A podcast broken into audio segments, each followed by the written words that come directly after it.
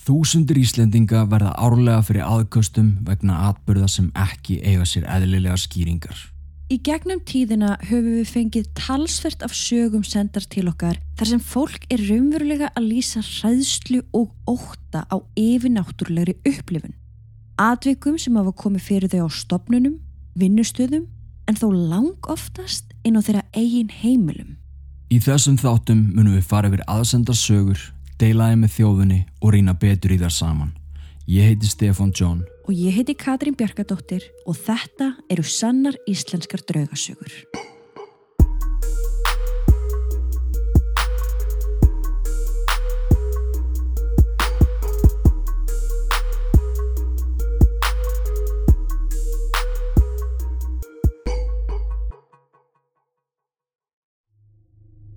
Áður en við byrjum er rétt að taka fram að sögurnar sem teknir eru fyrir í þessum þáttum eru ekki í neitni ákveðinni tímaröð sem þeir eru sendar okkur, heldur af handahófi. Eftirfarandi sögur eru sannar og koma frá fólki úr öllum stjættum þjóðfélagsins. Allt eru þetta mismunandi einstaklingar á mismunandi aldri. En allt þetta fólk á það sameigilegt að hafa lendi einhverju yfirnáttúrulegu og það hér á Íslandi.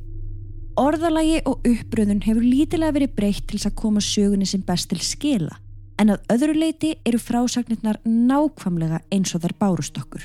Sögurnar verða sagðar í fyrstu personu eins og þær eru skrifaðar og eftir hverja sögu munum við Katrín taka örstuðt spjall.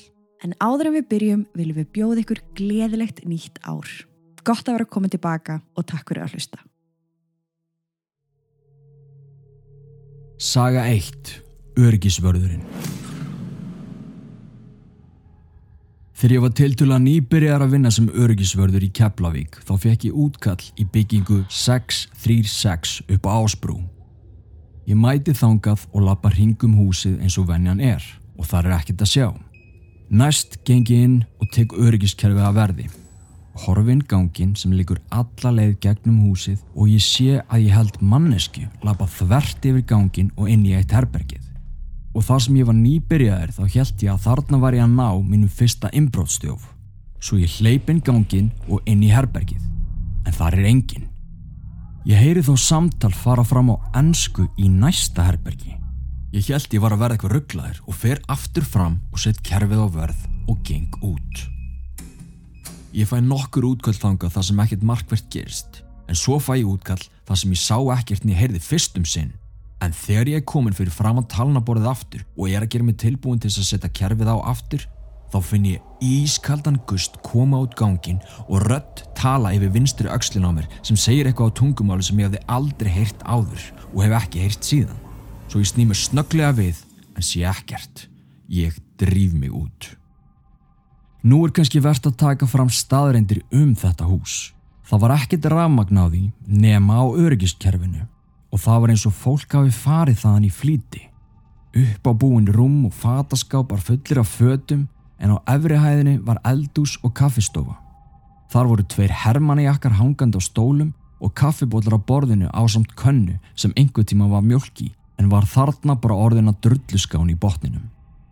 Eini reikskinnerinn sem var tengdu við kerfið var í þessu eldúsi sem nótabeni var búið að tæma, engin eldavel eða nokkuð annað. Síðasta útkallið sem ég fer þarna í var það allra versta. Þá komu brunabóð frá eldúsinu. Ég drýf mig inn með vasaljós en á eldúsinu var svo kallið svinghörð með kýraauga. Mín verstu mistök voru að lýsa ljósinu í gegnum kýraugað því þar tók á móti mér andlit sem var skennakvítt og með svarthól í staði fyrir augu á munn. Ég fell aftur fyrir mig og í bræði minni stendi upp og spark upp hörðinni en það er ekkert að sjá. Þetta er án ef að það versta sem ég upplifið þannig. Það er alveg á hreinu að þetta hús sem á að standa tómt er það sko sannlega ekki og þetta eru allt saman atvik sem við höfum talað um í hinu podcastun okkar draugasögur Jú. þar sem einmitt öryggisverðir er að fá útköll og stundum að segja simringingar sem eiga sér síðan enga eðlilega skýringu Akkurát. Mér sýnist á þessari sögu að þú hafið einmitt lent í slíku og greinlega í nokkur skipti. Þú talar um að sjá einhvern á ganginum, heyra einhverjum tala og síðan í lokin sérðu andlit sem hefði hrætt örgla alla saman hversu draugavanir þeir eru. Það væri áhugavert að vita hvort það væri hægt að komast inn í þetta hús bara til þess að rannsaka það. mm og fá það eiginlega bara hreint hverjir er á sveimi en ég man, ég gerði smá svona rannsóknarvinnu þegar ég fekk þess að sögu senda Mm og þetta hús virðist vera tómta einhverju leiti í dag en samt sem áður eru íbúar. Og eitt fyrirverandi íbúin segist aldrei að voruð var við neitt sem bjóð þarna. Ok, en það er ekki að segja að það sé ekki eitthvað í gangi þarna núna. Endilega, ef einhver þekkir hús 636 upp á Ásbrú. Hafið samband við okkur og, sjáum hvort við komist ekki að inn. Takk kærlega fyrir að senda okkur söguna hérna og ég vona innilega þín vegna að þú fáir ekki annað útkall þangað í bráð.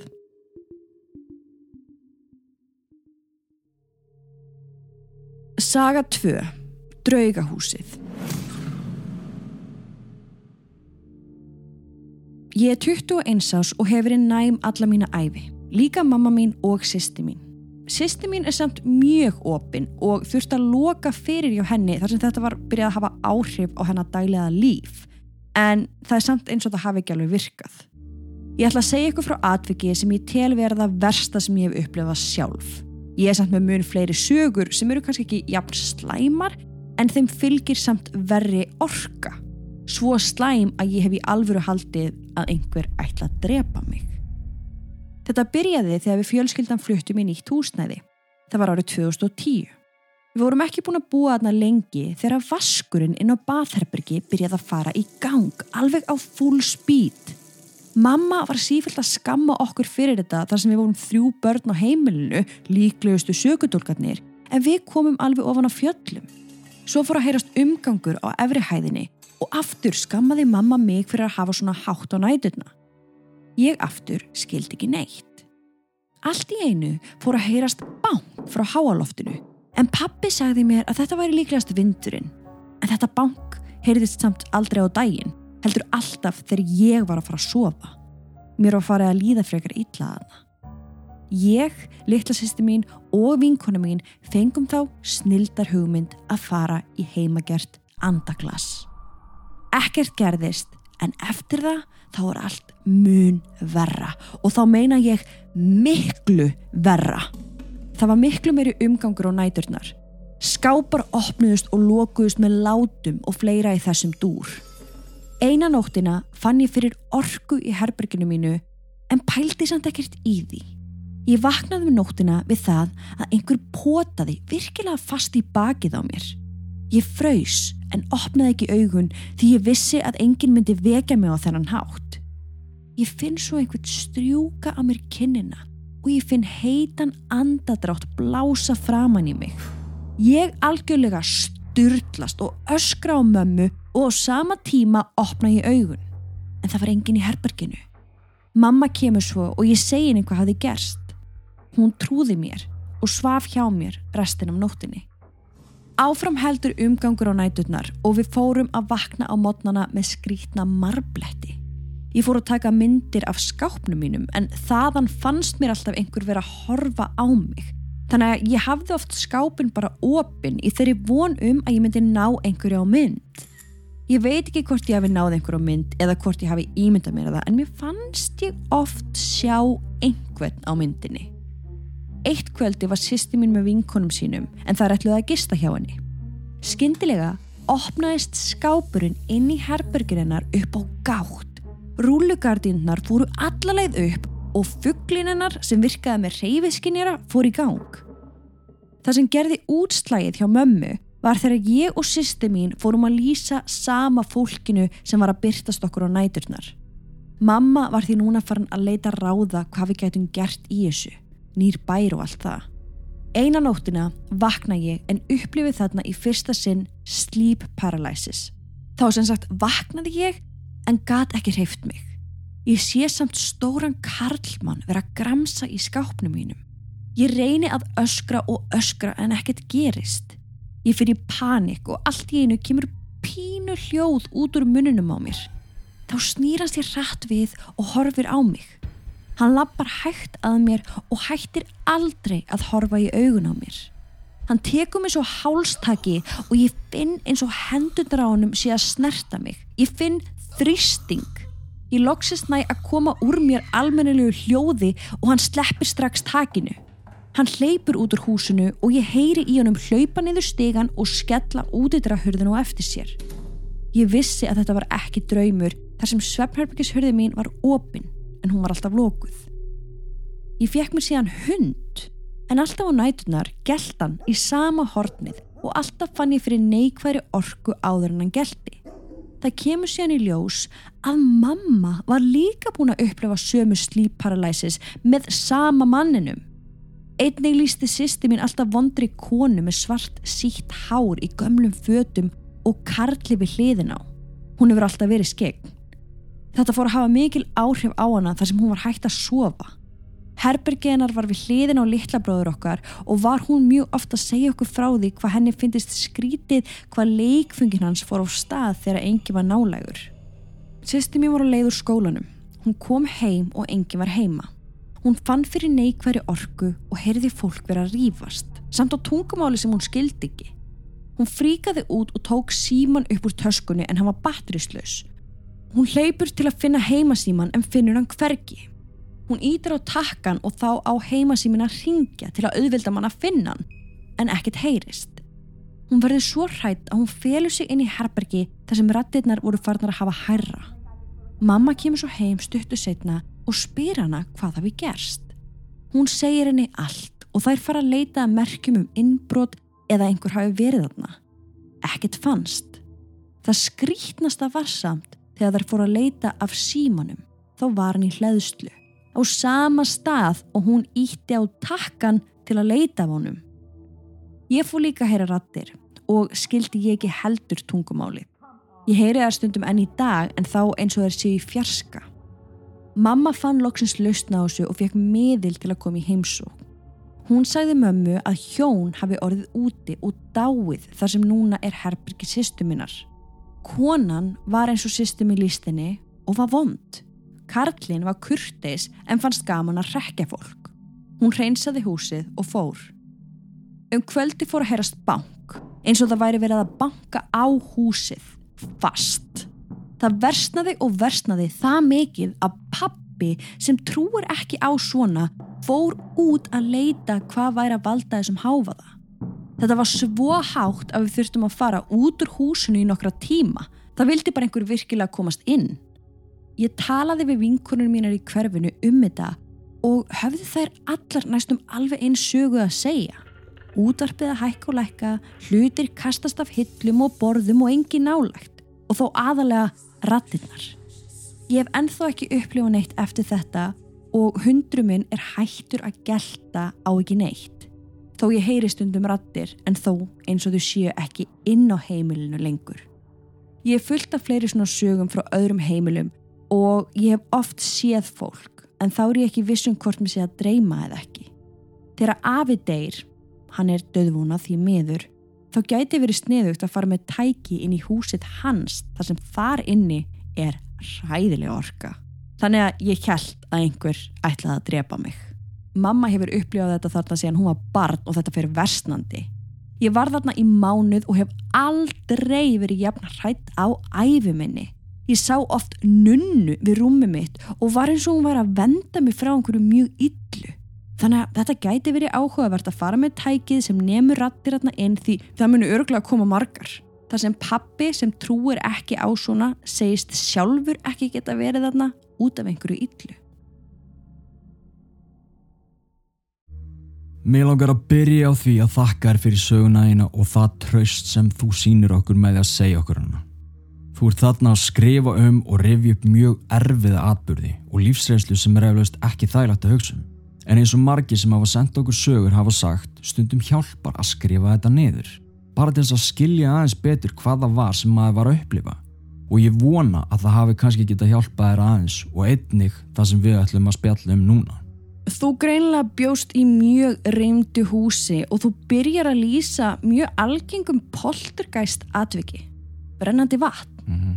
Poltergeist er í raun og veru ekki andi heldur ákveðin orka sem er oft hengt einhverjum aðila og þó oft stúlkum á kynþróskaskeiðinu.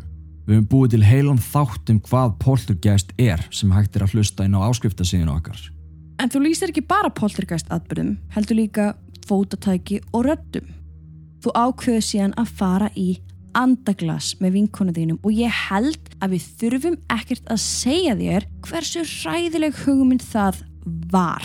Mm Þú veist það, en það segir sjálf að reymleikin hafi vestnað eftir þann gjörning.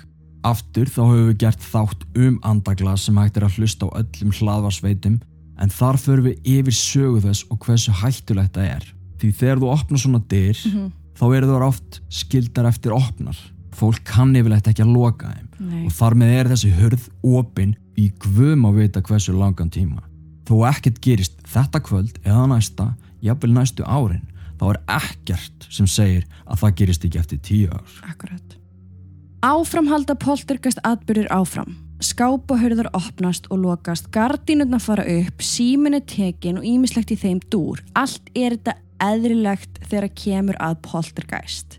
Svo er það orkan sem þú finnur og auðvitað maðurinn sem ræðist á þig þegar þú ert först í sleep paralysis, mm -hmm. bara í því steiti. Já. Það er ímislegt að tala um það ástand en margir segja að akkurat þegar maður er svona fastur á milli sveps og vöku að þá fyrir við að ímynda okkur eitthvað. Við erum alltaf hlind því að skoða hvað vísindin hafa að segja en það er þá nöðsulegt að horfa líka á andlega hlutan og sérstaklega í þessu tilviki þar sem þú segir að þú og mamma einn hafi verið að upplifa nákvæmlega sama og sé sama mannin. Tilviljun? Sumir segja já, við segjum aftur á móti nei. Síðan fáið þið miðil sem gefur ykkur einhver svör og reynsar húsið. Þegar þú meinar að hún reynsar húsið þá hefur hún líklega streynt að fá þetta fólk inn í ljósið. Mögulega tókst miðlunum ætlunarverk sitt að einhverju leiti en miðlar einir og sér geta aldrei reynsað hús. Og eftir heimsókn hennar þá byrja bankið að heyrast, bankið sem rekur ykkur út úr húsinu.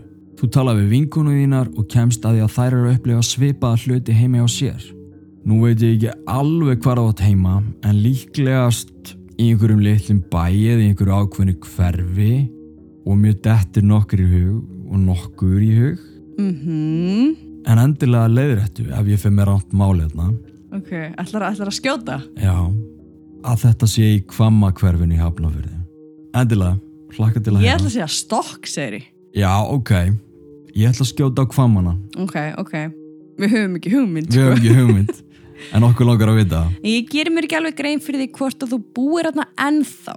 En þú segir að ástandi sé orðið skarra en þó séu rattirnar ennþá að heyrast. Kannski eitthvað meira þú tekur það allavega ekki fram. Sko, þetta er risastórt mál og þarna eru margar tegundir anda að verki. Mm -hmm. líklegast hefur miðlinn náða að róa eitthvað niður en ímyndum okkur að þarna inni séu tíu tegundir anda og miðillin náða að hreinsa tvo burt. Það er ennþá átta eftir. Akkurát. Ég er ekki að segja að það sé þannig í þínu tilfelli en það sem ég er að segja er að þegar þú býrð við svona reymleika þá er ekki nóg að fá eina heimsókn frá miðli. Það þarf að gera svo miklu, miklu, miklu, miklu meira. Mm -hmm.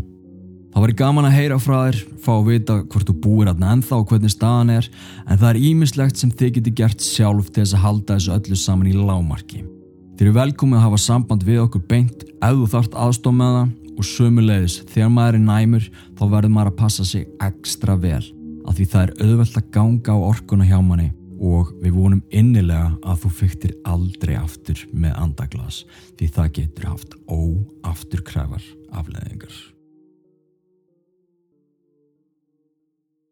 Við erum hér engungu til þess að upplýsa fólk, en ekki rýfa upp gömul sár.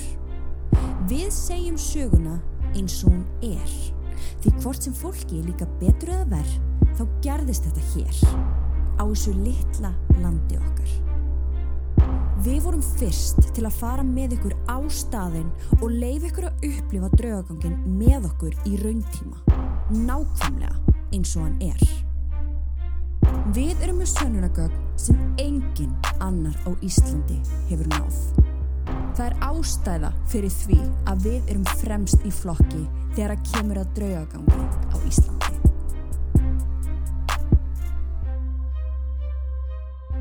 Skoðuðu áskriftarleiðirnar inn á patreon.com skástrygg draugasögur.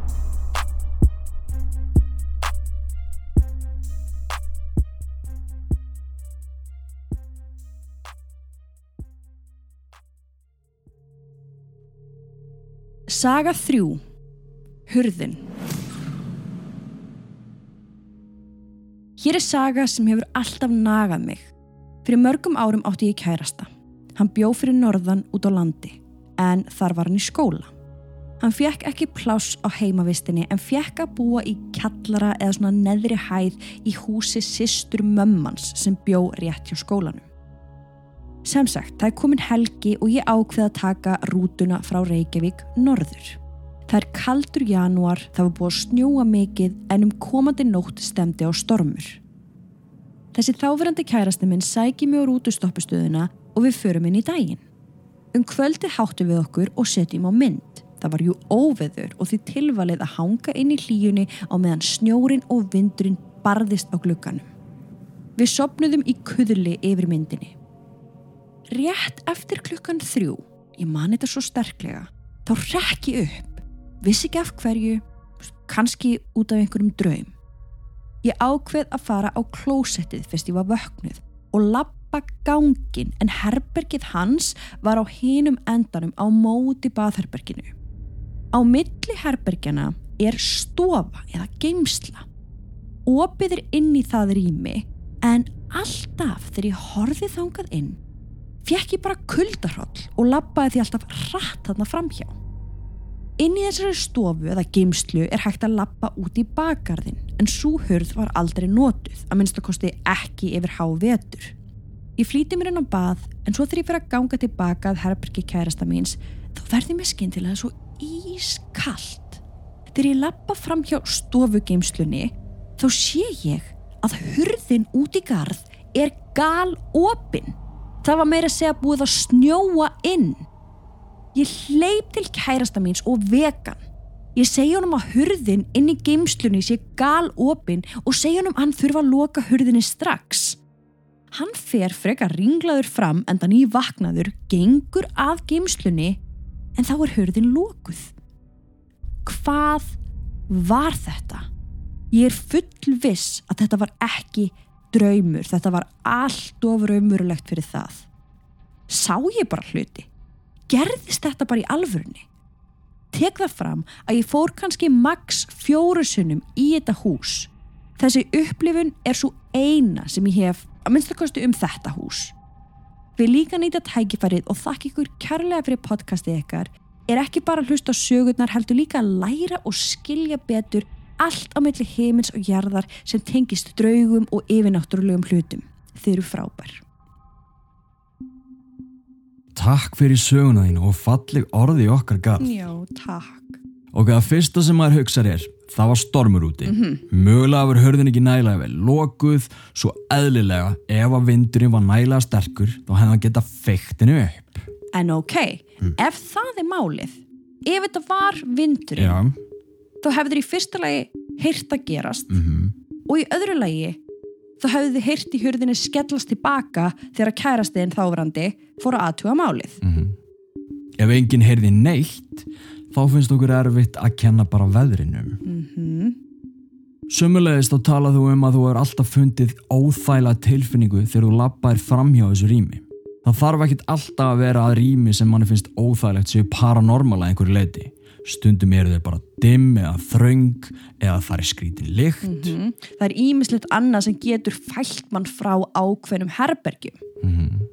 En ef maður hefur þetta allt saman í huga en það er samt sem áður ekki átta sig á af hverju maður fær óþægilega tilfinningu á einhverjum stað þá er það líklegast bara vegna þess að það er eitthvað óþægilegt að það inni. Jöp, einhver óþægileg orka eða nervera. Við getum ekki útskýrt fyrir þér af hverju þú lendir í þessari lífsreynslu. Það eina sem okkur dettur í hug er að þarna hafi verið andi sem var að reyna að segja einhverjum eitthvað. Og þar sem þú varst greinlega næm á þetta rými á meðan aðrir ekki, þá ákveður hann að reyna að sína þér eða hafa samband við þig með þessum hætti. Eða þá að þarna hafi verið eitthvað dekkra á sveimi sem var að reyna að ruggla í þér. Þess að dökku verur eiga það til að taka fyrir einn einstakling og hægt og rólega láta honum líða eins og hann sé að missa vitið. Til dæmis með því einmitt að opna hörð sem síðan er lokuð þegar annar aðli mætir á svæði Akkurat. eða færi til hluti sem einstaklingurinn á þannig að hann þarf alltaf að fara að leita einhverju öðru Það er alveg möguleiki líka. mm. Ég skil vel að þessi reynsla siti í þér en þarna var líklegast einhver að reyna að ná sambandi við þig eða já, ruggla í þér kannski ágætt að þú eitir ekki dóð miklum tíma inn í þessari íbúð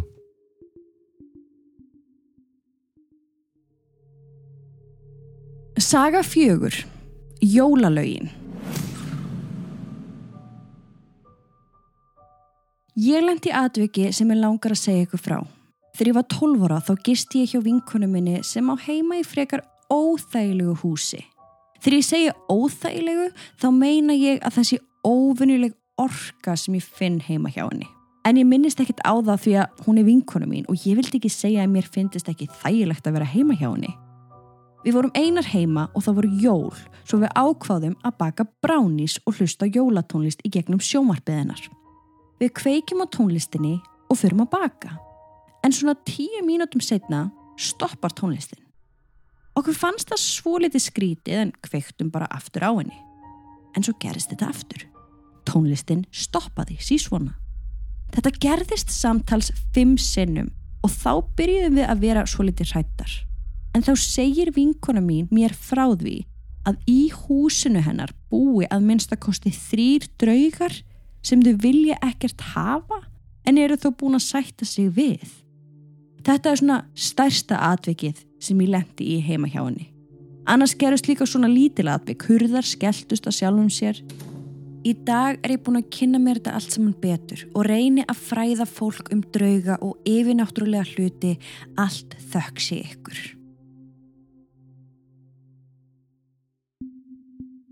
Takk fyrir söguna þína og gaman að heyra við sem að hjálpa þér að skilja draugagang og öllu sem því fylgir. Þetta er típist atvik að lenda í í reymdi húsi. Ég man sjálf eftir þegar ég var yngri og ég var reyna riksuga heima hjá mér. Mm -hmm. Þá var riksugan tekin úr sambandi aftur og aftur og aftur þannig að ég bara gafst upp. Það er auðvelt fyrir anda að fykta í svona ráftækjum og eins og í þínu tilfelli í sjónvarpinu en það eru mismunandi ástæði fyrir því. Stundum hefur maður heyrt að gamlir eigundur húsa sem hafa kannski búið að lengi haldi áfram að reyna stjórna heimilinu þrátt fyrir að vera látnir og annað fólk flutt inn. Það vilji ekki hafa sjónvarpið á á ákveðnum tímum og færi jafnvel til hluti sem þeim finnst ekki passa inn á heimilinu. Áhugavert líka að þú hafur fundið fyrir fyrðulegri orkuðaðinni og svo segir vinkonaðinn þér að þarna inni sé að minnst að kosti þrýr draugar. Ég er forvitin að vita hvernig hún vissi að þeir væru þrýr Mm -hmm. og hvort að einhver hafi reynd að gera eitthvað í málinu eða hvort að fjölskyldan hafi bara ákveðið að reyna að lifa með þeim. Já. En þetta er góð frásögn að því að draugagangur þarf einmitt ekki alltaf að vera eitthvað rosalegt atvik eða rosaleg saga. Hann getur einmitt verið akkurat svona. Slögt á sjónvarpinu eða hurðar að opnast og lokast og það getur verið alls konar ástæður fyrir svona reymleika og í rauninni nöðsynlegt að rannsaka til þess að fá betri svör. Takk fyrir söguna þeina. Við viljum þakka öllum höfundum fyrir sögur vikunar og ykkur hinum kærlega fyrir að hlusta. Ef þú vissir það ekki nú þegar þá erum við með annað podcast sem heitir Draugasögur. Þú finnur það á öllum hlaðarsveitum og ef þú hefur áhuga á enn fleiri draugasögum og vilt styrkja podcastu okkar um leið þá skaldu endilega skoða áskriftarleðirnar sem við bjóðum upp á inn á patreon.com skástrygg draugasögur. Þar inni eru 250 pluss sögur, myndefni, sannanir, viðtölu við frægustu paranormala rannsakendur í heimi og margt fleira skemmtilegt. Engin binding og þú getur byrjað að bingja núna. Svo næstu dögum munum við deila með ykkur stórum og skemmtilegum fréttum. Svo til þess að missa ekki af neinu skalti endilega fylgja okkur á Facebook og Instagram undir Draugasögur podcast. Sannar íslenskar draugasögur er vikulegt hlaðvarp sem kemur venjulega út á föstu dögum klukkan 12 á hádegi, svo lengi sem okkur halda áfram að berast sögur frá ykkur í gegnum draugasögur at draugasögur.com mert aðsendar sögur. Takk fyrir að hlusta og þanga til næst.